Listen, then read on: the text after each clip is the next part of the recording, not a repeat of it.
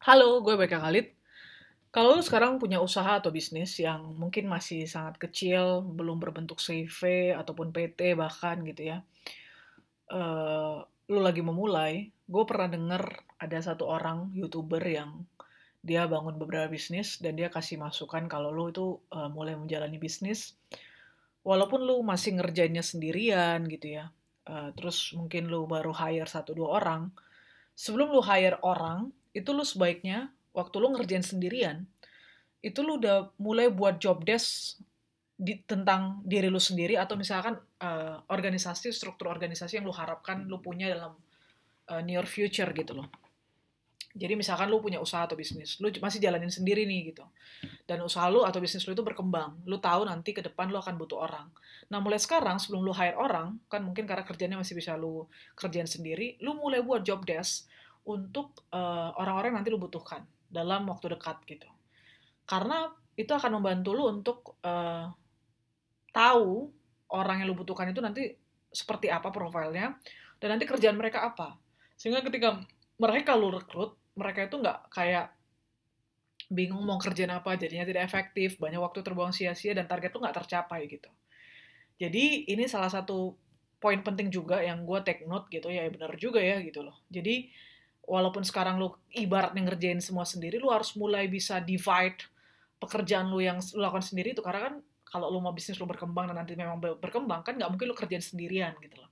Lu akan divide uh, all people dan lu akan ketemu gitu loh. Um, uh, profile yang tepat itu seperti apa, nanti job desk dia seperti apa.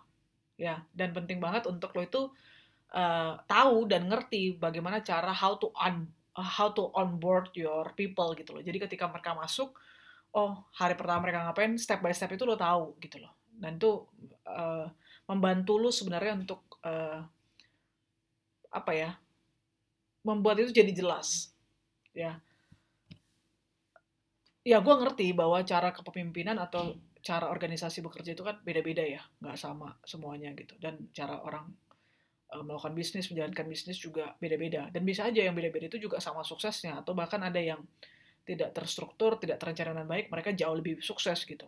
Tapi menurut gue, selalu tidak ada yang salah dengan membuat rencana yang baik gitu loh. Karena kalau orang melakukan apa pun kan mereka juga harus hitung anggarannya, harus memperhatikan baik-baik gitu loh. Uh, segala sesuatu itu harus diperhitungkan dan dipertimbangkan. Jadi uh, menurut gua ya kalau lo punya waktu dan punya kesempatan ya biarpun lo lagi jalan bisnis sendiri, lo coba deh buat itu. Ya.